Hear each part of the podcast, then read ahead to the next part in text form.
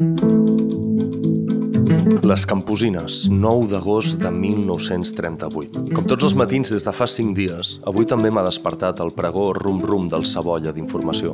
La pava, com l'anomenem els companys. Ha arribat puntualment a dos quarts de vuit. Els feixistes són molt rutinaris amb tot. Donarà voltes pel nostre sector durant uns 20 minuts. Després girarà cua i també, com acostuma a fer, se situarà sobre la Serra de Cavalls, on encara cremen les pinedes i els carrascars des de fa 3 dies. Els nostres antiaeris romanen muts i a la gàbia per no denunciar la nostra situació. Tenim les peces ben camuflades. Amb tot, aquesta és una precaució ben inútil, perquè l'enemic ens té perfectament localitzats.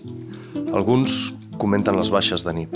Dels cinc ferits, dos van morir instantàniament. Un d'ells, el valent asturià, a qui la metralla se li va endur al cap, ben lluny del cos. Farà bon dia avui. El succedani de cafè amargueja més que mai. A les 7 començarem el tir sobre la serra de Pàndols, com cada dia. Hem de xafar-los. Hem de xafar-los, hem de segar-los al cap, com van fer amb el malaguanyat asturià. Hem d'escombrar de casa nostra per sempre les forces de la foscor, de la hipocresia, de l'espoli, de l'esclavitud. Els nostres homes de demà viuran lliures de traves i de pors en una Catalunya lliure, on la cultura serà el bé suprem. Ja ho sé, ja ho sé que molts no ho veurem, però tal vegada no val el sacrifici per un demà millor. Endavant! Aquestes són les paraules que Enric Borràs Cubells, artiller de la Quinta del 41, escrivia al seu diari el dia 9 d'agost de 1938 des de la primera línia de front en la batalla de l'Ebre. Amb diferents paraules, però amb el mateix sentit, més de 75 anys després, el seu net ha escrit un llibre parlant del mateix, de què són els feixistes i de com combatre'ls. El net d'Enric Borràs Cubells, és Jordi Borràs, el meu convidat d'avui. Un dels fotoperiodistes més coneguts del nostre país i un dels màxims experts en l'auge de l'extrema dreta a Europa tal com demostra tots els colors del negre. Un assaig a mig camí entre el dietari i el reportatge d'investigació que amaga al seu darrere gairebé una dècada de feina. L'he convidat al Cafè de la Granota per parlar del seu llibre, de la seva feina, de com es viu amenaçat per l'extrema dreta i, sobretot, de per què els fatxes i els nazis europeus han deixat de ser caps rapats radicals dignes de la pel·lícula American History X per passar a ser polítics que vesteixen com un cap de planta del cort inglès i que tenen escons al Congrés.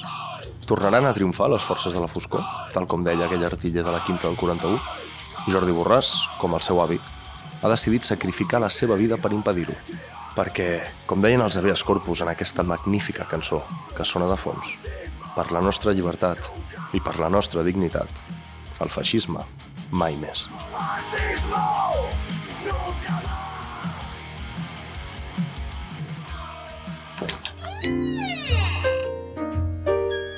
Endavant. Passeu, passeu. Aquí el temps no existeix. No hi ha futur i tampoc passat, simplement present. Si voleu sumar-vos a la nostra conversa, poseu-vos còmodes i acompanyeu-nos durant mitja hora en un viatge que comença ara, però que ningú, ni tu ni nosaltres, sabem encara com acaba, si és que acaba. Benvinguts, doncs, al Cafè de la Granota, un podcast del nacional.cat.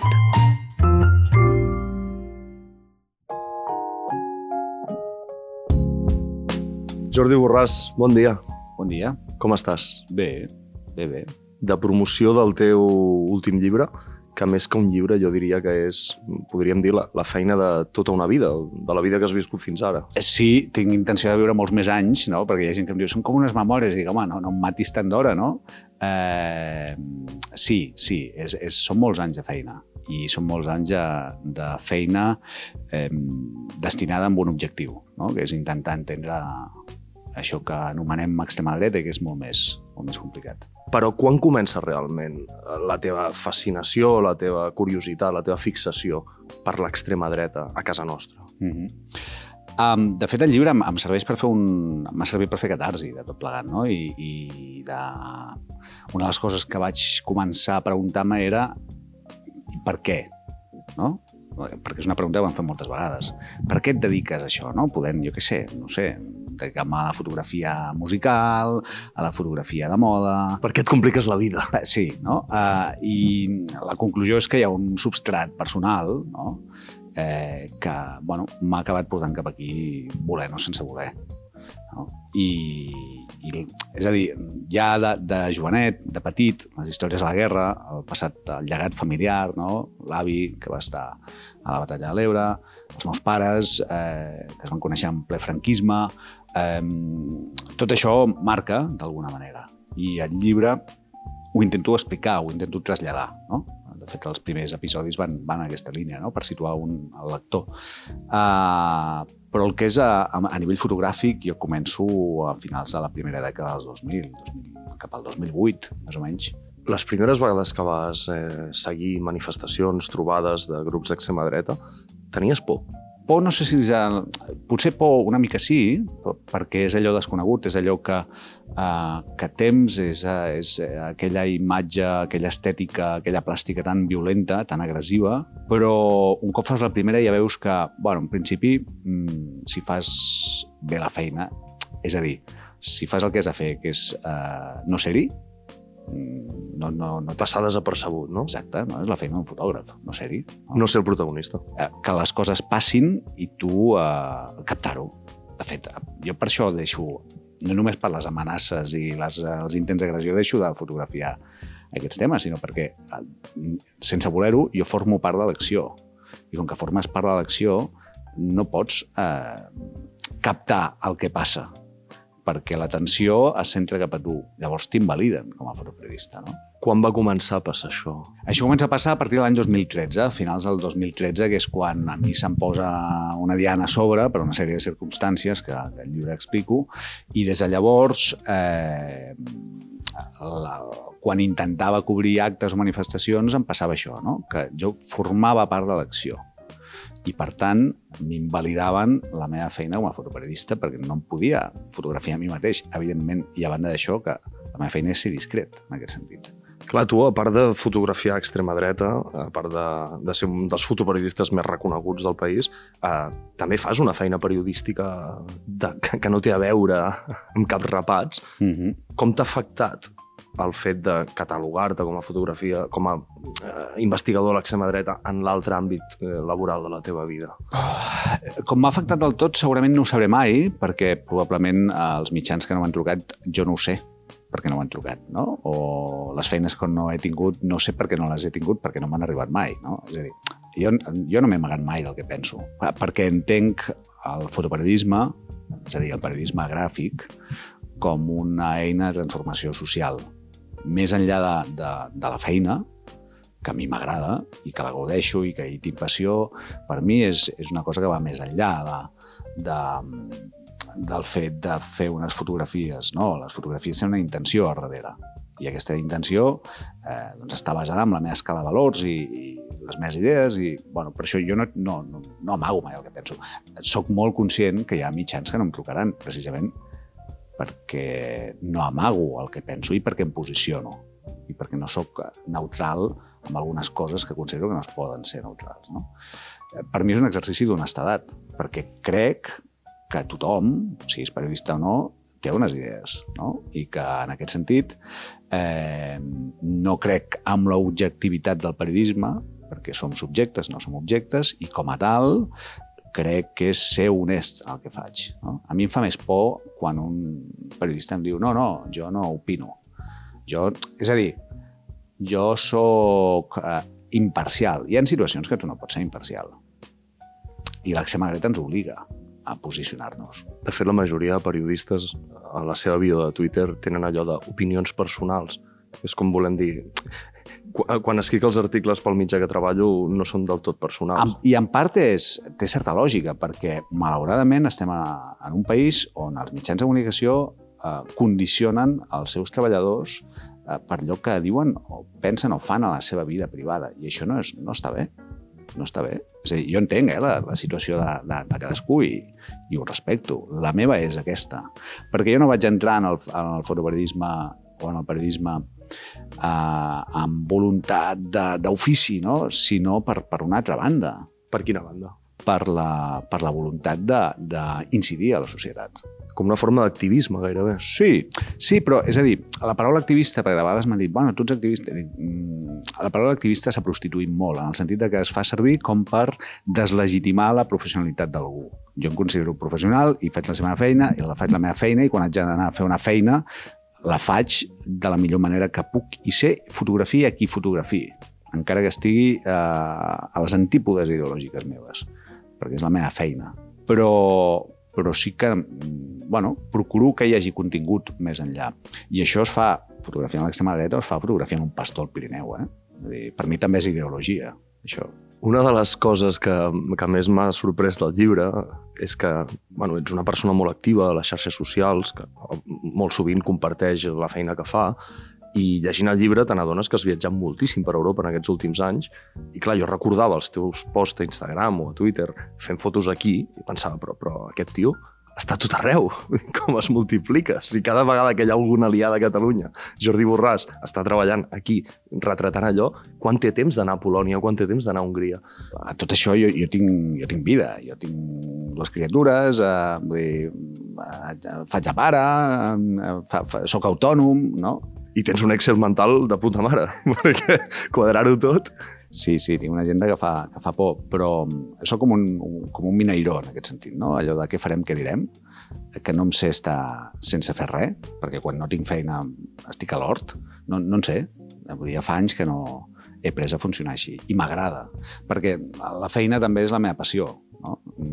i això és una sort, una sort molt gran, no? És a dir, eh, segurament em guanyaria molt millor la vida fent altres feines relacionades amb la fotografia, per exemple, Eh, però a mi el que m'agrada és això. I, per tant, eh, bueno, una cosa en compensa l'altra. El llibre és un repàs per la dreta extrema de tota Europa. Les altres extremes dretes d'Europa s'assemblen a l'extrema dreta de casa nostra? Quins són els vincles en comú? Mm.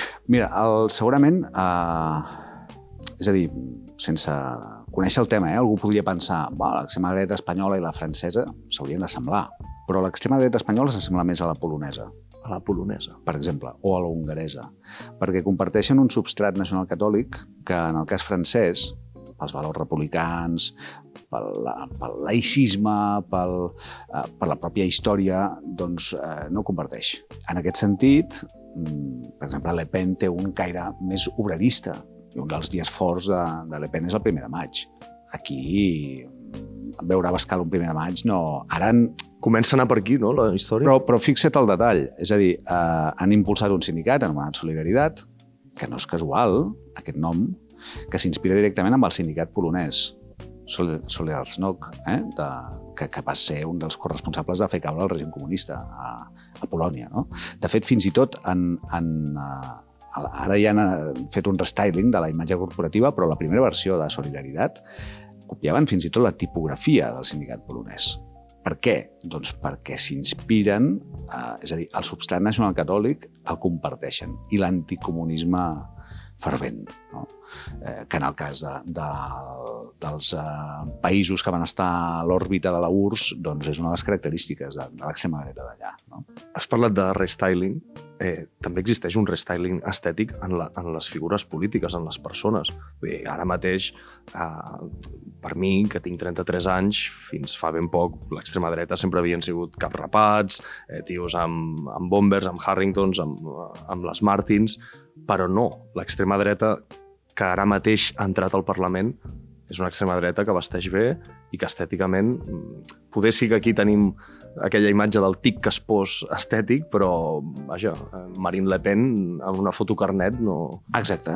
No semblaria pas res raro. Clar, aquí hi ha un nou fenomen, que és eh, el que s'anomena la nova dreta radical populista, la, la dreta radical populista, que és, eh, seria això, eh? Ressemblament Nacional, eh, Partit Llei i Justícia a Polònia, el Fidesz a Hongria, els demòcrates suecs, la Txega a Portugal, eh, Vox a l'estat espanyol... És a dir, eh, partits que, tenen, que no tenen per què tenir origen en l'extrema dreta, com pot ser el Fidesz o Alternativa per a Alemanya, que originalment no eren partits de la, de la dreta radical populista, es van acabar reconvertint, i que han après diverses lliçons. Una d'elles és que cal utilitzar les eines que et dona la democràcia per rebentar-la des de dins no? i per implantar eh, la seva ideologia. I que per fer-ho tu t'has de convertir en un actor assimilable per la societat. Clar, un partit amb tot de cap rapats neonazis no és atractiu uh, electoralment, no? Fa por. Sí. I si a més a més reivindiques dictadures uh, amb genocides, eh, dels feixismes entre guerres, doncs encara, encara aixeques més anticossos, no? Eh, què han fet aquests nous partits? Doncs autonomia històrica, és a dir, nosaltres no tenim res a veure amb el nostre passat, ni en som responsables, i, i canviar estratègies eh, polítiques, no? Vull dir, han abandonat no, certa estètica que es portava als 80s, 90s i s'han vestit com la gent d'un partit d'ordre. Perquè volen ser un partit d'ordre. No són partits entre cometes, eh? antisistema. Malgrat que des d'un populisme extrem es presenten eh, amb una elevada dosi d'antipolítica, no? i parlen, ja el que deia el que deia l'Anglada, que després ho va copiar Podemos, no? la, la casta política. No? És a dir, des de la política critiquen la política com si ells no fossin polítics. No? perquè parlen bueno, des d'un eix polític eh, populista, no? de, dels de dalt i dels de baix. En aquest sentit, això ho fa, ho fa molt bé, aquesta nova extrema dreta. I, i te n'adones com van penetrant i van escalant i, i governen Europa, governen a Polònia, governen a Hongria, actualment a Vox, a l'estat espanyol, eh, hi ha enquestes que el situen com a segona força amb voluntat de vot, no? Vull dir que podria acabar substituint la dreta del Partit Popular més, més d'hora que tard. I nosaltres, com a electors, com a societat, caiem a la trampa per inconeixement, caiem a la trampa per, per seducció? Hi ha, hi, ha molt, hi, ha, hi ha molts perquès, no? I, a més a més, eh, hi, ha un, hi ha un mar de fons a tot això, perquè bueno, aquí s'ha atribuït, no? ho va fer Pablo Iglesias, atribuir l'ascens a l'extrema dreta a, a l'independentisme, quan és, és, és una acusació a, a banda de falsa, la trobo profundament maquiavèlica. No? Això eh, no sé, és com si se li hagués acudit dir que Alternativa per Alemanya o Pegida eh, hi són per culpa dels refugiats eh, eh, sirians que, que van haver de, de, de marxar de la seva terra, no? És a dir, eh, que, quina absurditat és aquesta, no? Hi ha diversos factors. Un d'ells és la, la crisi de la socialdemocràcia, que ha fet que, que, que els partits cada cop s'assemblin més, tinguin menys marge de maniobra, perquè al cap i a la fi estan sotmesos als dictats econòmics si no hi ha un, un, un trencament amb el model social, econòmic eh, que coneixem i que ens emmarca dins de la Unió Europea, doncs els partits s'acaben assemblant molt i, per tant, les obres de govern s'assemblen molt. Això vol dir que hi ha, en general, un desencís de l'esquerra quan governa. I un dels fets que ha provocat eh, que l'extrema dreta pugui penetrar eh, en, en un votant obrer, en un votant eh, que històricament hauria de ser d'esquerres, també és en part per incompareixença de l'esquerra. De fet, estem veient ara com Vox ha jugat molt bé aquesta carta, no? eh, davant de l'augment insostenible del megawatt hora del combustible. Què han fet? Doncs han tret a pasturar el seu sindicat, les seves mobilitzacions, amb gent afí a les seves files, per marcar paquet al carrer. Perquè resulta que l'esquerra estatal, que hauria d'estar liderant això i que en el seu moment ho va fer, quan el 15M... Està al govern. Està al govern. Està el mateix govern que no fa res o que té les mans lligades i fa molt poc del que hauria de fer davant de, del que està passant. No? Eh, per tant, per incompareixença, l'extrema dreta són com uns voltors, que sempre hi són i són molt més intel·ligents del que la gent es pensa. No? En general hi ha, hi ha la idea de que bueno, és una colla de garrulos, eh, no? Molt, no, no, són gent molt espavilada, que fa molts anys que estan esperant aquest moment. I quan veuen la carronya s'hi llencen de cap. I la carronya és el malestar social. I no només són voltors que volten per aquí dalt, sinó que tenen tentacles a grans òrgans de decisió de la societat i també a grans òrgans d'autoritat, com puguin ser la policia. La policia, el, el poder judicial, no? de fet, en el cas espanyol encara més, no? perquè eh, bueno, Vox no és només un partit, és un lobby de poder. El seu braç polític és el que es presenta a les eleccions, però és un lobby de poder. I té molta presència doncs, als cossos policials, a l'exèrcit, a l'aparell judicial, no? en aquelles estructures més conservadores de la societat i en aquelles estructures on quan va morir Franco, eh, ningú va desfranquitzar, no? Desfranquitzar, no, no sé com, com seria... Per això preguntava la relació amb les altres extremes dretes d'Europa, perquè a l'excepció de Portugal, segurament, i de tot el bloc eh, soviètic, podríem dir, eh, clar, a, a Itàlia o a França no tenen un precedent de dictadura feixista tan recent. exacte, no? és a dir, a Itàlia i Alemanya, per exemple, eh, doncs, eh, bé, van, van guanyar la guerra contra els seus respectius feixismes. Eh, el cas espanyol eh, estem parlant que els, eh, no, els, els aliats dels feixistes italians i dels nazis, que eren les tropes sublevades al general Franco, van guanyar la guerra i van eh, sobreviure amb el vistiplau internacional durant més de 40 anys. No? I que la transició espanyola, eh, que ens l'han venut com a modèlica i pacífica, ni va ser modèlica ni va ser pacífica, perquè hi van haver més de 650 morts per causa de violència política entre el 75 i el 82, per començar. No? I tampoc va ser modèlica perquè cap dels responsables d'aquella dictadura ha passat mai comptes amb la justícia. I perquè, a més a més, eh, no es van democratitzar les estructures de poder. El que era policia torturador ho va continuar sent. I el que era jutge que signava penes de mort, eh, bueno, signava el Consell de Ministres, però les que, les que el processava ho va seguir sent. I aquí no ha passat res, no? Clar, tot això després té conseqüències amb l'arribada de la suposada democràcia, no? I aquestes conseqüències encara les estem pagant. És una democràcia que neix amb, amb crostes i amb ferides. I una de les conseqüències d'això, i que també diferencia d'altres països d'Europa, és que la dreta espanyola, la dreta del Partit Popular, té una matriu directament franquista, a diferència de, de, de dretes de molts països d'Europa, no? que té altres orígens, no? un origen liberal, democristià, no, no, la dreta espanyola del Partit Popular, que abans era l'Aliança Popular, va ser fundada pels pel Siete Magníficos, set exministres al règim franquista, i un d'ells va presidir el PP fins que es va morir l'any 2012, que era Manuel Fraga. No? Per tant, eh, bé, és que les coses tenen conseqüències, no passen perquè sí. No? De fet, tu vius una vida de risc, eh, amenaçat eh, per l'extrema dreta, però bueno, és que directament un membre dels cossos de l'autoritat i de les forces d'ocupació de l'estat espanyol et va fotre un cop de puny.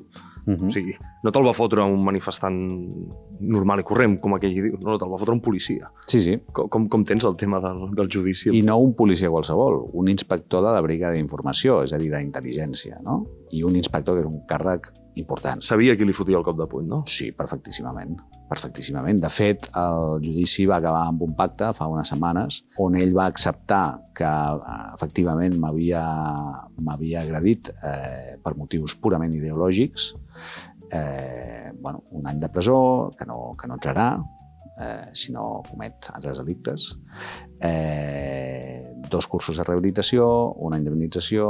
Bé, de, tot això després de tres anys i mig de jo també estar imputat, perquè ella em va denunciar a mi, amb una denúncia falsa. Eh? Com va ser el context de l'agressió? Sí, Doncs jo sortia de cobrir un acte a l'Ateneu Barcelonès i anava a buscar el cotxe al pàrquing i casualment, dic casualment perquè mm, amb, jo les casualitats, amb aquest tipus de casualitats hi crec poc, doncs aquest senyor estava, estava al mig d'un carreró on no hi havia casualment ningú eh, parlant per telèfon i quan em va veure em va, em va cridar Viva Espanya, la qual cosa jo vaig passar de llarg i em va tornar a cridar cada cop, i a més amb, amb, més, no, amb més volum. I em vaig girar i instintivament vaig arronsar les espatlles, no? com volguem dir que, que... Tu el vas reconèixer? Jo no sabia ni qui era. Ell sí, ell sí, perquè, bé, un cop fa això, ve cap a mi, viva Espanya, ve a Franco, em comença a fotre d'hòsties, i la nit dels fets jo mm, m'assabento que aquest senyor viu a 300 metres de casa meva. I que, per tant, eh, no, no tinc cap mena de dubte que sap perfectament qui sóc, eh, on sóc, eh, i que va aprofitar la vinentesa que estàvem lluny de casa per agredir-me. I aquella nit dels fets tu te n'assabentes que també és policia? Sí, sí. Aquella... bueno, de fet, m'ho va dir en el seu moment, quan m'estava pagant, eh, jo no li vaig donar credibilitat, perquè eh, vaig trobar tot tan desbarrat, no? I quan ell fuig, perquè eh, arriba un moment que jo intento retenir, dic, bueno, si ets policia, truquem els Mossos i els expliques amb ells, no? Ell, ell fuig, el persegueixen tres nois que, em, que em van ajudar i que des d'aquí els dono les gràcies perquè és que sense ell igual m'hagués matat a hòsties, perquè era un tio que sabia pagar, i amb ells els ensenya la placa. Vull dir, I a més a més això està gravat en vídeo. Els ensenya la placa, presenta com a Policia Nacional i fot el camp, s'escapa. Dins dels Mossos també hi ha tentacles de l'extrema dreta? Sí, hi ha extrema dreta a, a tot arreu. No? És a dir, ja per una qüestió de, de, bueno, de percentatge. No?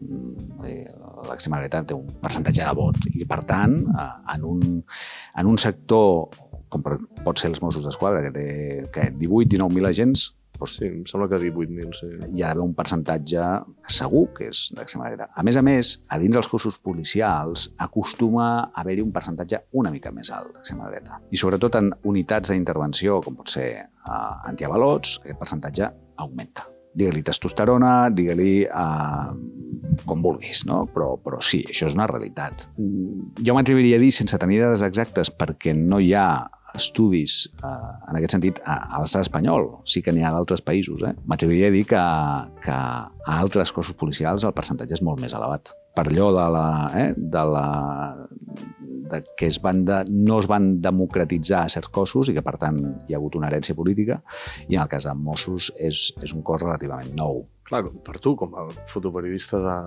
de manifestacions, d'actes d'aquest tipus, saber que aquells que en teoria et poden protegir també et tenen ganes com a un manifestant més, és a dir, que no t'entenen com un professional, Uh -huh. mm, deu ser frustrant també, no només tu, sinó to tots els fotoperiodistes. Ho vam veure per les sentències del procés. Mm. Eh, portàveu les armilles reflectants, però moltíssima gent va resultar ferida. Això és normal? Passa a Europa també, això? No, de fet, el cas de les, de les protestes, de les sentències, va ser molt flagrant, perquè mm, hi van haver, em sembla que una setantena de periodistes ferits, molts. Una borrada, sí, sí. Tres de cada quatre dels periodistes eh, agredits durant les sentències van ser agredits per cossos policials. Tres de cada quatre.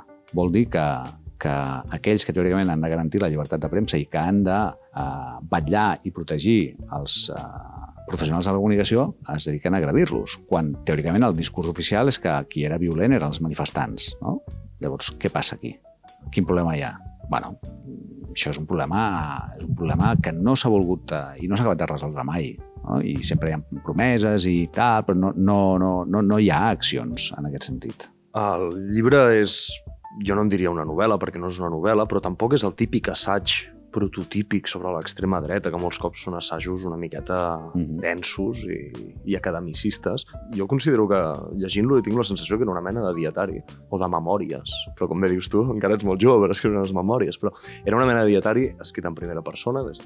I després de fer tota la repassada que fas a la teva sèrie d'investigacions i reportatges a Europa, hi ha un capítol final, Uh -huh. que és el capítol més personal, segurament, on expliques què ha significat tot això a la teva vida. Uh -huh.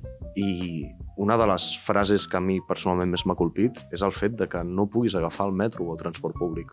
Uh -huh. Clar, això és només la punta de l'iceberg, suposo. Sense voler entrar molt en detalls, perquè segurament és un tema espinós, no? Però, hòstia, després de tants anys treballant en això, la pregunta és, te'n penedeixes d'haver començat? Eh, no, no, no. Mm, eh, sembla que m'ho pensava, però no, no m'ho penso. No, però, és a dir, si pogués tornar enrere, jo segurament faria les coses eh, diferents perquè el meu entorn no es veiés tan perjudicat. És a dir, hagués eh, bloquejat més el meu, eh, la meva seguretat, el meu entorn per no haver de canviar de domicili, per no haver de eh, tan sovint o per no haver de patir per la meva gent. No? Eh, clar, durant aquests anys he anat aprenent lliçons, he anat aprenent trucs, he anat aprenent coses. Per això m'ha costat eh, bueno, un patiment important. No? I, i no, no he estat en vocació de màrtir, eh? perquè no, no, no, és que no, no, no va per aquí la cosa. No, no, no, vull dir, a mi m'agrada la vida molt tranquil·la i soc una persona que m'agraden les coses senzilles i no m'agrada complicar-me la vida i, i això de no agafar el metro, bueno, és una cosa, el metro, el tren o un autobús, eh? que ja faig de forma rutinària des de fa molts anys perquè no saps qui et pots trobar en un lloc d'on no em pots sortir. No? Per tant, per seguretat, intento, intento no, no evitar problemes i un dels problemes me'ls podria trobar aquí, no? Però he normalitzat aquesta estranya normalitat per pura supervivència. És a dir, jo no sóc una persona que tingui por al meu dia a dia, no perquè sigui un kamikaze, sinó perquè és que no podria viure així. Et volia preguntar si ets feliç. Molt, molt, molt, molt. I de fet, el, el fet de fer aquest llibre per mi ha sigut un, bueno, un alliberament. És un llibre que, que he estat més de 3 anys eh, per fer-lo xinutxano entre els viatges i les feines i tot això, i que és, com bé deies, no? és, és un llibre que no és un assaig, és un eh, llibre de no ficció que es pot llegir com una novel·la eh, i que intenta explicar, la voluntat és, és que el públic generalista, que li interessa el tema però que no es, no es vol llegir un compendi d'assajos sobre l'extrema dreta, pugui entrar en un tema amb tantes arestes com aquest a través de, de la meva experiència personal eh, i que bueno, et pugui donar un punt de vista diferent, no? que puguis empatitzar i que puguis en, a, aprendre a entendre sense tenir la sensació de que t'estan fotent. Una de les teves publicacions de Twitter més famoses, recordo, va ser... Ai, que remolo. No, no, no. No, que va, és, és una publicació que a mi també em toca de prop, perquè també sóc un gran amant d'aquella terra desconeguda anomenada Terra Alta. Mm -hmm. Una foto d'aquell carrer de Bot, Sí. on hi ha la, la cara de José Antonio estampada allà. Eh, jo conec Bot perquè vaig estar-hi treballant i perquè un dels meus millors amics és propietari d'una de les millors empreses d'olives Mm del -hmm. país i de l'univers, que té seu a Bot. I, eh, clar, cada cop que hi vaig li dic, però quan collons traureu això? I sempre em respon el mateix. És una casa particular i no es pot treure. I me'n recordo que tu vas fer un dia un tuit, ets un tio que a Twitter ho peta molt, i oh, la gent es fot les mans al cap. I una de les reflexions és, hòstia, és que ni volent-ho ens ho podem treure de sobre. Aquesta crosta que parlàvem, aquesta herència que parlàvem, perquè la reflexió és, és un particular i a casa seva pot haver-hi el que vulgui la paret, no? Que això és relatiu, eh? Aquí et volia venir a parar. O sigui, realment no, no ho podem treure. De... Clar, que ho podem treure. Que no hi ha voluntat política de fer-ho. I segurament la carrera del José Antonio és... és... Està a dos metres de l'Ajuntament. Sí, a més, fi- fixa't el detall. Allà, fa uns anys hi van posar just a davant un espill d'aquests, de, Un senyal de trànsit, sí. un, un mirall d'aquests per veure si els cotxes venen per... la- No van tapar la pintada, no van posar el mirall així que, que no es noti tant el José Antonio, però allà està el José Antonio. Jo recordo la, les fletxes de Falange a, al centre de Gandesa i les cares de Franco i la Riba Espanya fins a pràcticament als anys 90. L'última cara de Franco de Gandesa jo diria que va, la, van, eh, la van tapar el 2005-2006 perquè el, perquè el propietari va decidir eh, pintar la façana. Però ningú va anar a treure Però és que ja no és això, és que tenim eh, el país sembrat de monuments eh, feixistes, esteles eh, funeràries d'aviadors a la Legió Còndor que no estan ni contextualitzades on, on eh, neonazis hi fan homenatges i aquí no passa res. Però és que, clar, de fet, això el llibre incideix molt en aquest sentit i comença amb una frase de Neus Català que, que diu uh, l'única mort que temo és la de la memòria, no? perquè crec que la memòria, si no es té molt present, uh, doncs, uh, és, és una gran lliçó la memòria, no? i la història passada.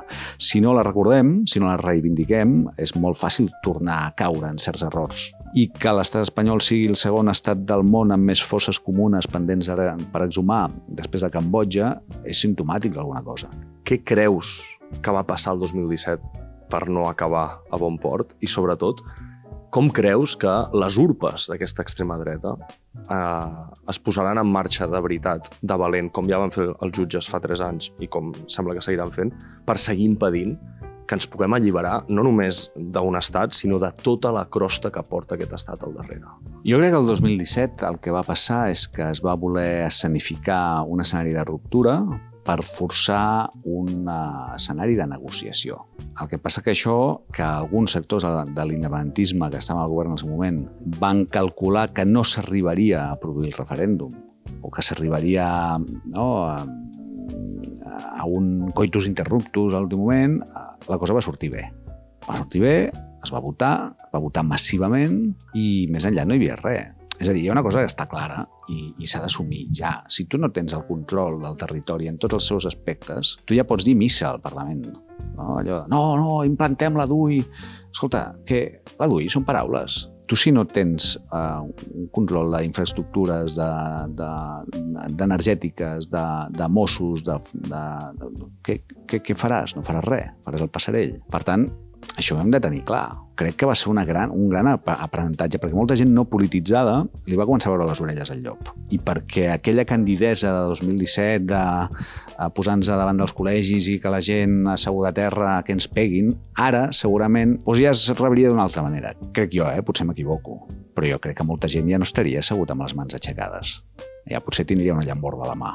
Ja seria una altra cosa Va faltar violència. la violència mai no hauria de ser una, una opció, sinó una imposició, i en el cas del 2017 va ser una imposició. Hi ha una cosa que està clara. Davant d'un estat amb un cos armat com és la policia, que té el monopoli de la violència, tu, si exerceixes la violència, tindràs unes conseqüències penals gravíssimes. Per tant, això s'ha de tenir molt clar. Però ara, per exemple, aquests dies es posava molt crit al cel no? pel, pel que va dir uh, la, la consellera Ponsatí no? sobre...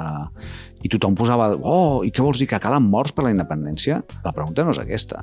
I jo crec que ens l'hauríem de fer ja. Quants morts està disposat a fer l'estat espanyol per mantenir Catalunya submesa? Per mi la pregunta és aquesta. I ja està bé això de, de, de victimitzar uh, un estat. Un estat és violència. I l'estat espanyol hagués sotmès Catalunya, si la cosa hagués tirat més, i hagués matat gent. No en tinc cap mena de dubte. És que fins i tot fa quatre dies ho deien un alt, un alt càrrec de l'exèrcit espanyol, ho, insu, ho insinuava. I l'exèrcit estava preparat. Hi havia operacions que no arribarem a saber-ne mai uh, l'intríngulis de tot plegat. Hi havia gent preparada per fer, per fer coses inimaginables per molta gent. I nosaltres com a societat no n'érem conscients. Eh, molta gent no. Molta gent sí, perquè eh, bueno, hi ha un independentisme de la vella escola que, que va patir tortures als 80, que va patir eh, exili, que, no? fins, fins als anys 90 i que ja venia d'abans, que venia una tradició de l'antifranquisme de, de, dels anys 40, 50, 60, 70. Tot, tot aquest fil roig a la història va, ha tingut un, un, una continuïtat, un llegat, però la gran massa de l'independentisme és uh, gent polit polititzadament nova, que s'ha polititzat de nou i que, per tant, ha requerit d'un entrenament polític. Què passarà en un futur? Quina influència tindrà amb això l'extrema dreta? Mm, és molt difícil de veure-ho. Malauradament, jo crec que hi ha una normalització de l'extrema dreta terrorífica. I prova d'això, Anna Grau cridant arribar a Espanya gravant-se ella mateixa i penjant-ho a Twitter sense cap mena de mania, no? cridant un lema franquista. Una diputada al Parlament de Catalunya. Però, però què és això? Per anar a veure un partit de futbol. Exacte, eh? perquè mm, mezclar política i futbol mal. És que és molt, és molt fort, eh? Probablement el proper canvi de cicle del govern espanyol, l'extrema dreta puja el govern. L'última vegada que Espanya va, va jugar a Catalunya, vaig llegir, era fa 30 anys, pels Jocs Olímpics, uh -huh. uh, amb Espanya guanyant l'or al Camp Nou uh -huh. contra Polònia, diria que era. I clar, vaig, vaig llegir un tuit molt interessant que comparava els dos moments i deia, fa 30 anys el Camp Nou estava ple de gent normal, diguéssim, celebrant la victòria d'una selecció, dissabte a Cornellà al Prat estava ple de gent radicalitzada, uh -huh. on hi havia la flor innata de la púrria espanyolista catalana. Eh, I això també és molt significatiu de la societat catalana actual. Per això et preguntava com l'extrema dreta podria reinserir-se en, en la política mainstream, més enllà de, de que siguin diputats al Parlament, però clar, són diputats ultres, gairebé. S'ha normalitzat l'extrema dreta i culpa d'això ho ha tingut eh, Ciutadans, en part, perquè els hi ha posat la catifa vermella, perquè a nivell formal, a nivell plàstic, sense ser un partit d'extrema dreta, ha utilitzat consignes eh, i idees força pròpies de l'extrema dreta i sobretot les formes. No? L'histrionisme de Ciutadans al Parlament nosaltres no l'havíem vist mai al Parlament de Catalunya, no? I, i la tensió que es vivia al Parlament quan Ciutadans tenia 36 diputats, jo no, no recordo haver-la viscut mai. Però aquí també hi ha hagut un altre actor necessari per tot això, que és el Partit Socialista. Per molt que diguin els del PSC o els del PSOE de Vox i ara eh, tot, tots siguin llagrimots i oh, i l'extrema dreta... Perdoneu, senyors, que vosaltres éreu els que anàveu de mani darrere les pancartes de Societat Civil Catalana amb l'extrema dreta de Vox els nazifeixistes de Democràcia Nacional, els legionarios de l'Hermandat eh, d'Antigos Caballeros Legionarios de Barcelona i tota la, la, la plec de demòcrates aquests. Eh? Allà, allà hi havia el senyor Iceta, que ara és ministre. Exacte, i el senyor Illa i tota aquesta tropa, vull dir, eh, eh, eren allà, eh? eh? És a dir, van acabar legitimant uh, un actor d'extrema dreta com un actor necessari, democratitzant-la, no? És a dir, posant la jaqueta de, bueno, va, ets un més dels nostres, perquè al cap i al fi l'objectiu, que era torpedinar l'independentisme català, era superior a la necessitat d'aparença democràtica.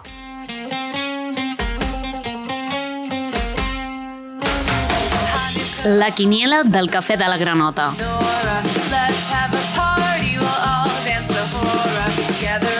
15 preguntes fàcils de fer per 15 respostes difícils de confessar.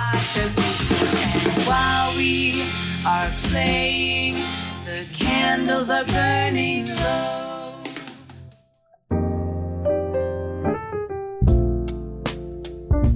No és el primer llibre que publiques, però segurament sí que és el primer llibre on la paraula té molt més pes Mm. que les imatges, perquè els anteriors eh, hi havia un punt fotogràfic important, no?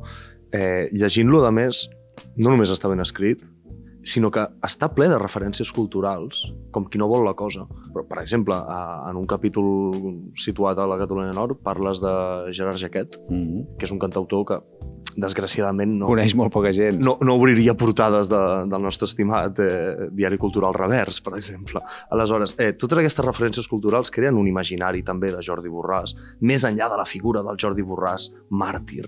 Podríem dir que, que una miqueta a nivell eh, popular tenim tots, no? O sigui, cada cop que veiem una manifestació a la tele la gent pensa, Jordi Borràs deu estar allà fotografiant, però, hòstia, què hi ha darrere d'aquest Jordi Borràs? Qui- Quines músiques hi ha darrere aquest Jordi Borràs? Quins llibres hi ha darrere aquest Jordi Borràs? Una miqueta, quina és la teva educació sentimental en el món de la cultura? És... Uh... Jo vinc d'una família de, de, de gent treballadora, però que ha estat sempre submergida en el món cultural. Meu pare és editor, va editar llibres eh, que alguns avui en dia serien ineditables, no? tenia l'editorial El Llamp, eh, que va estar fins a l'any 95, des dels 80, principi dels 80 fins a l'any 95 activa, va publicar coses eh, que van tenir un, molt de pes en el seu moment, des de la política, eh? publicar llibres sobre independentisme quan els independentistes es podien comptar amb els dits d'una mà, pràcticament, eh, fins a novel·la eròtica, no? Els quaderns en Marc, que és el llibre segurament més venut eh, de literatura eròtica en català, el va rebre, va rebre el manuscrit anònim al meu pare a l'apartat de correus. No? És a dir, jo m'he submergit en el món del llibre des de petit. El meu avi Enric, que és el primer capítol del llibre és un fragment del diari de guerra del meu avi en plena batalla de l'Ebre. Quan va estar a la presó es va dedicar a estudiar llengües, pel seu propi compte, no? I després, quan va sortir, eh, va entrar a treballar amb, amb, eh, amb el doctor Jaume Vicenç Vives, que havia estat eh, professor seu a l'Institut Escola, no? És a dir, som gent que amb una sabata i una espardenya hem anat construint el nostre, el nostre món, no? És a dir, sense haver estudiat a grans escoles, vull dir, som d'escola pública, ni haver tingut grans eh, mestres, ni eh, bé, tenim sensibilitat per la cultura, tenim sensibilitat pel país i tot això ho hem amat. I de la meva mare també, eh? Vull dir, ma mare és eh, estaticient i, per exemple, una de les millors jugadores d'escravel en català d'aquest país, que és una cosa que t'explota al cap una mica, no? Tenim aquest doble tall. És una mica macabra, és la pregunta macabra del capítol, però, bueno, clar, fer-la algú que està amenaçat de mort per tanta gent encara és més macabra, no? Però quina mort de pel·lícula t'agradaria tenir? Hòstia, mort de pel·lícula. Has parlat de que t'atropelli un tràiler, No, no és gaire pel·lícula. no sé si és massa pel·lículero, ets un tio creatiu, segur que t'agrada el cine. Quina mort de pel·lícula t'agradaria tenir? Perquè hi ha, hi ha morts a pel·lícules que dius, mira, té, té certa pompa aquesta mort. Mm. Eh, eh, bona pregunta, hauria de pensar molt bé, perquè, clar, de mort només en pots gastar una, en principi. Llavors, eh, Jo, per exemple, sempre ho explico, però a mi la mort de, del protagonista de la pel·li infantil, bueno, infantil, de Michika, que, que el, el pica una abella, no sé si l'has vist. No, però, hòstia, És el Macaulay Culkin, em sembla, quan és petit, no? Són, mor per una abella. S'enamoren, el tio és al·lèrgic a les abelles, i jo també. I, i llavors, clar, el pica una abella i es mor. I la nena va al funeral i li fa un petó. I és el primer cop que li fa un petó, li fa un petó mort. Hòstia, És, per mi és un zènit del cinema infantil universal. quina tristor, no? Sí, Mare però- de Déu. És una mort dolça dins el que... Sí, sí, no, clar, aviam, millor morir amb, amb una vella que, que no sé, mm, bueno, anava, anava a dir alguna cafrada. Sí, home, és, suposo que ha de ser més agradable. Home, po- posats a morir, fem-ho bé, i arreglem alguna cosa, no palmant-la, doncs no sé. Eh, És que, clar, ara només se m'acudeixen coses que pugui acabar, a, pugui acabar a, davant de l'Audiència Nacional, no, per tant, No, convé, no convé. Uh, m'ho guardaré, m'ho guardaré per mi. Però si pogués triar, intentaríem fer l'última última bona acció. T'hem entès. Deixem-ho deixem aquí. Es pot llegir entre línies. Aquesta sí que demano que la responguis. Què és el més inconfessable que has fet a la vida? Uh, les coses que no es poden explicar no es poden explicar, però relacionat amb el llibre et diré que jo he estat en molts actes i moltes manifestacions, fins i tot treballant al costat de companys, i ni tan sols m'han identificat. No sabien què hi era. És a dir, habilitat per, camuflar-me d'una forma extrema i fins aquí puc, puc llegir perquè no, no explicarem el truco del mandruco, no? Però Interessant. sí. Has descobert botigues de James Bond i aquestes coses. botigues de James Bond. No, no, no, senzillament, bueno, uh, es pot tenir un, una, una faceta de- de- de- de- d'actor interessant. Pots arribar a fer moltes coses, no? Quan, no la creativitat, quan, quan es dispara, bueno, és fabulosa. No? Però està fotografiant al costat de companys que dius cada setmana, que vas tan ben camuflat que ni tan sols sospiten que estan al seu costat, és molt heavy, eh? Sense parlar. O sigui, tu has estat al costat del meu company Sergi Alcázar i Sergi Alcázar no ha sabut que estaves al seu costat. Segurament amb el Sergi no, perquè això ja l'últim cop ja fa uns anys, però d'altres companys mm, que el Sergi coneix perfectament, sí. Sí, sí. I fins i tot allò de, en un moment donat d'agafar-ne algun de, d'estranquis i, i eh! I fora el susto del copón també, també ha passat això. Dins del drama d'haver-te de camuflar per fer la teva feina, com, com a mínim li fots una mica de sentit de. Home, i tant! Sí, sí, no? I, i bueno, i al llibre ho explico, explico alguna escena de trobar-me d'haver de, de tornar d'un viatge a Milà a, del, del, dels actes del centenari de la Fundació del Feixisme i trobar-me dos neonazis d'aquí a dins de l'avió que deixa't anar. Vull dir, De, de pel·lícula de, de, de terror, eh? Sent Jordi Borràs, eh? No, Sí, sí, sí. No sent un camuflat. No, no, Sant Jordi Borràs, llavors, bueno, te les has d'enginyar per, per ser una altra persona. I ho vas aconseguir? Sí, sí. I aquí estem. I que duri. Ells en cap moment creus que et van veure? No, no. Tu els vas veure amb ells, però ells no. Sí, però és que a més a més són dues persones que jo tenia retratades en un llibre. Vull dir que probablement si, si, si m'haguessin identificat, no creiem que m'haguessin felicitat al Nadal, eh? Vull dir, mm, diguem que s'haguessin mosquejat bastant. Què sents en aquells moments? Por. És a dir, el, jo, soc, jo soc una persona que em considero molt prudent. I que tingui les quatre extremitats a lloc suposo que és eh, símptoma de, de la meva prudència. No? He tingut ensurts, però n'hagués pogut tenir de molt, molt pitjors. No? I quan vaig a depèn d'on... Eh, jo què sé, ara en un mes he estat dues vegades a Hongria. A la, una, la primera manifestació va ser una manifestació de, de cent i poc eh, neonazis i la segona mig milió de persones. La pitjor va ser la de cent i poc. No? Per què? Perquè estàs tu sol. Era l'únic puto fotògraf que hi havia a la manifestació. Però allà et coneixen, també? No, però és motiu suficient de desconfiança saber que no és els seus. Llavors, te les has d'empescar per donar a entendre que potser no et coneixen, però potser es pensen que potser sí que és el seu. No? I això, de vegades, és tan senzill com portar una indumentària similar a la que tu creus que poden portar. No? Vull dir, és, és, és, És com fan els secretes, no? Sí, per exemple, no? és mimetitzar-te i actuar amb normalitat. Si tu actues amb por, perquè això allà va passar, i va- van aparèixer uns fotògrafs antifes alemanys a l'últim moment, jovenets, amb una estètica que no era la pròpia, i els van calar al, al, però al primer moment. I, i bueno, van patir i van haver de fotre el camp. Mentre jo estava fotografiant eh, la, la tropa de la legió húngara sense cap mena problema amb ells per allà a dins. Eh? Vull dir... Eh, ja no recordo la pregunta que m'havies fet. Hem anat... Però això, la por, no, és a dir, jo la por procuro no, no... És a dir, sí, em passo, però procuro transformar-la. De fet, aquest llibre és producte de la por. És producte de la por, de la impotència, de la ràbia, no? de la impotència de no poder fer la meva feina aquí, eh, de no poder fer fotos. I què he fet? Pues he fet un llibre de 520 pàgines sobre l'extrema dreta a Europa. No volies caldo? Pues dues tasses. Uh, no crec que aquest llibre et faci guanyar un milió d'euros. Mm, Malauradament, eh, temo que tampoc. Bueno, fent llibres, eh? I fent llibres en català, en Guanyar milions d'euros en llibres en català és difícil. que la gent es pensa, oh, es venen molts llibres, deus tenir molts quartos, i eh, poc coneixes el món del llibre. Ni Xavier Bosch pot anar amb Ferrari pel món, em sembla, gràcies a les seves novel·les, però sí que sempre pregunto eh, què faries amb un milió d'euros. És una pregunta que amb una persona com tu entenc que tindrà una resposta una mica solidària. Sí, probablement eh, invertir en l'alliberament del país. I aquí cada un que posi la imaginació que vulgui. Fa falta pasta perquè Catalunya sigui independent. bueno, fa falta pasta ben, ben canalitzada, no? És a dir, no ens independitzarem per art de màgia i fa falta compromís i fa falta, fa falta voluntat i fa falta sacrifici en el sentit de que, bueno, que tots hi hem de posar de la nostra banda. O sigui, la primera gran causa per la qual destinaries eh, economia personal seria pel teu país, eh? Sí, i ho he fet ja.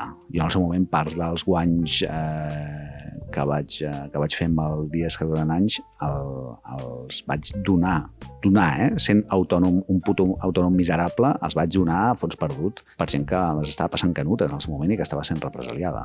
I mira, ho dic ara, anys després. No tenia cap necessitat de dir-ho, però per mi és una... És a dir, és invertir, amb un llenguatge que no m'agrada, eh, el concepte d'invertir, però és posar calés pel futur dels meus fills. Així de clar, és la seva terra, jo em moriré i ells es quedaran. I espero que els meus nets i... No, és el meu llegat, és la meva terra, és la meva gent.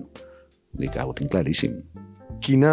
Has parlat de fills, uh, no hem parlat d'amor, però sí que et vull preguntar, a nivell musical, a nivell cinematogràfic, si haguessis de gravar una escena cinematogràfica amb la primera vegada que vas fer l'amor, Mm -hmm. quina música sonaria? Hòstia, sí que m'has fotut, eh? Fossis director de cine en comptes de fotoperiodista? No, no si sonava una cançó la primera vegada que vas fer l'amor. Això... No, no, no en sonava cap, però potser per recrear una mica l'escena, eh? eh? Alguna d'un papa, potser. Alguna d'un papa? Sí, també. Alguna especial? Comencem, comencem a tenir una edat. Eh, És una re- resposta que haurem de traduir, no sé com, a, al públic menor de 30 anys, segurament. Ah, podria dir una d'un papa o una de, o una de Sant Traït, eh, també. Que per mi és el, és el grup eh, que m'ha marcat la meva... Sang traït. Sí, sí, sí.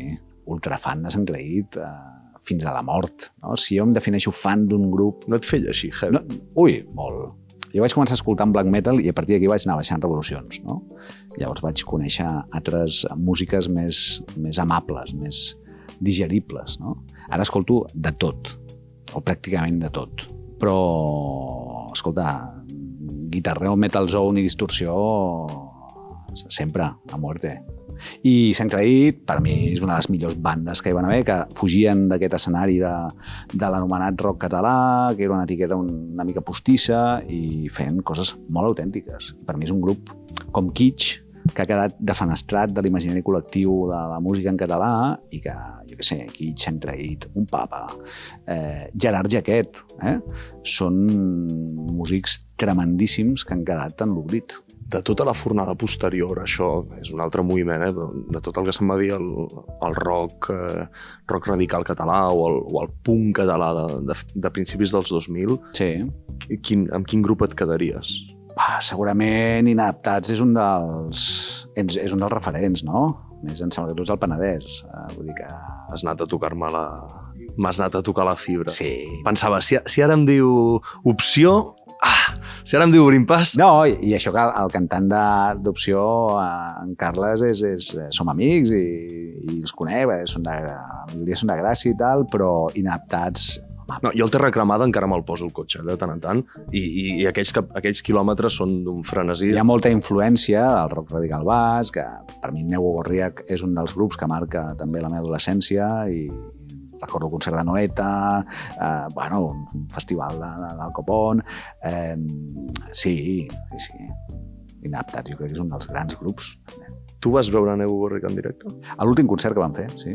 Anys després d'haver plegat, eh, van fer un concert al Velòdrom de Noeta amb Selecta Col·lectiva i, bueno, sí, en, lleuger, en, en guardo alguns records. Jo vaig poder veure el Fermín una vegada a Vilafranca, l'any 2003. Tio incombustible. Que, Sí, a més, s'ha reinventat eh, 40 vegades i segueix i és un músic eh, excepcional. parlant de d'herois o de mites, eh, amb quin personatge històric t'agradaria fer una birra?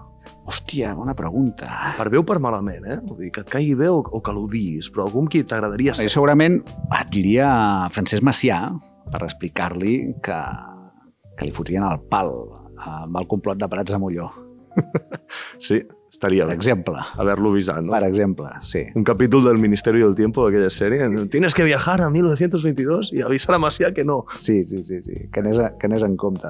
Eh, hem parlat de música, hem parlat de cine, hem parlat de, de literatura, però vull entrar encara més. Uh, no sé si ets bon lector de poesia. Uh, poc, perquè és un gènere que em costa, malgrat que m'interessa, i, i bueno, he, he llegit cosetes i, i conec poetes i tal, però és, és, és un... Saps què passa? Però no només em passa amb la poesia, eh? Jo tinc molt poc temps. Llavors, el, el temps que tinc és al vespre. I als vespres, o a la nit, sopo i trigo molt poca estona en caure en coma. Llavors, quan intento llegir, estic cao. Has Llavors, venut, ja. procuro llegir allò que a nivell professional necessito. No? Temes d'assaig d'extrema dreta, per exemple, o cròniques periodístiques. Llavors, eh, em falta mm, em falta estones ocioses per llegir altres coses, com novel·la o com poesia. Per tant, t'anava a preguntar quins són els teus dos versos preferits de la poesia catalana, però potser no me'n diràs cap. Eh, després tinc un altre problema, que és un problema de memòria. O sigui, jo em sé dues cançons. O sigui, jo puc haver escoltat una cançó de Sant Creït dos milions de vegades. Encara no te la saps. No, jo sé Els Segadors i Aniversari Feliç. No em facis dir més cançons. I sol sonet. Sí, però, mm, Ni aquesta. bueno, igual la segona estrofa em, em trau, eh? Llavors, tinc molt mala memòria, però no només per això. Eh, pot ser que demà passat jo et trobi pel carrer, em saludis i em costi ubicar-te. Ara, si tu vas amb un pin de falange en lloc de la cara aquesta... Llavors sí que m'ubic. Llavors recordaré el dia i l'any que et vaig veure l'últim cop, encara que faci 10 anys.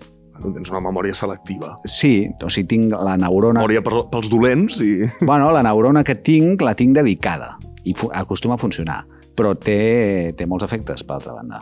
Però, per exemple, Canyo, David Canyo, hòstia, és un poeta que, que a mi m'agrada, m'agrada molt, no? A mi també. Un cos preciós per destruir, eh? Bueno, jo sempre li dic, el conec una mica i si ens està escoltant li farà gràcia, però a mi, el seu segon llibre, eh, he vist el futur en 4D, hi ha un poema en prosa que es diu Festes alternatives, que explica un enamorament fugaç en una festa alternativa del Poble Nou, que cada vegada que li dic, el tio somriu, però em segueix semblant un poemarro brut. Bueno, per, per mi és un poema molt... que m'hi puc sentir molt identificat, no? És, és un punky escrivint versos, Sí.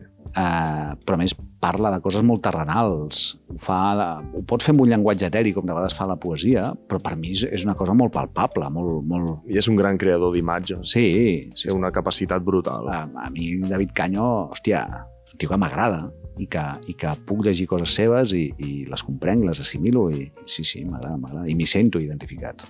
Eh, bueno, estàvem parlant del David Canyo, aquesta pregunta del David Canyo també li faria gràcia, però no, no crec que sigui David Canyo el protagonista dels teus somnis eròtics, per molt que t'agradi, No, però sí que et volia preguntar qui és eh, el teu, la teva o el teu protagonista de somnis eròtics, algú famós, eh? alguna actriu, Ui. un actor, no sé. soc poc mitòman en aquest sentit, eh? De, de fet, amb els actors i les actrius em passa el mateix. Que no te'n recordes d'ells. Julia Roberts no, no, no et surt a la memòria. Eh, eh, no, vull dir, uh, veig una actriu i dic, ah, sí, aquesta és aquella que va fer allò. Com es diu? Hòstia, doncs no ho sé. So- Soc Ets poc mitòman, eh? doncs? molt poc. Ara, per mi, mite eròtic i una, una dona que trobo increïblement interessant, guapíssima i fabulosa, Ariana Gil. Un cop vaig tenir l'honor de fotografiar-la i encara em tremola tot. Sí, sí, la trobo una dona espectacular. Per acabar, potser la pregunta més difícil, o potser te l'han fet milions de vegades, eh? però quin títol posaries a la teva autobiografia? Anava a dir puta Espanya, però no, em sembla que no m'ho compraria l'editor. Uh... Seria un gran títol. sí, Si Fes, hauries de fer-te el llibre autoeditat. Sí, doncs no ho sé. Ara, de fet, aquest llibre havia de tenir un títol que al final no, no, no, no me'l van comprar, que eren les cròniques negres. Bueno, és els, tots els colors de negre, que també s'hi diu bastant. I per ara, amb el moment vital que estic ara, el, el títol seria aquest, no? O, el, o el, les cròniques del clarobscur, perquè, bueno, hi ha molt de negre, però ja, també hi ha, hi ha molta alegria pel mig, eh? Hi ha molta llum encara. Sí, sí, sí, sí. Molt bé, Jordi. Doncs espero que hagi estat a gust. Molt, molt Ha a estat un plaer la conversa i que vagi molt bé. Gràcies.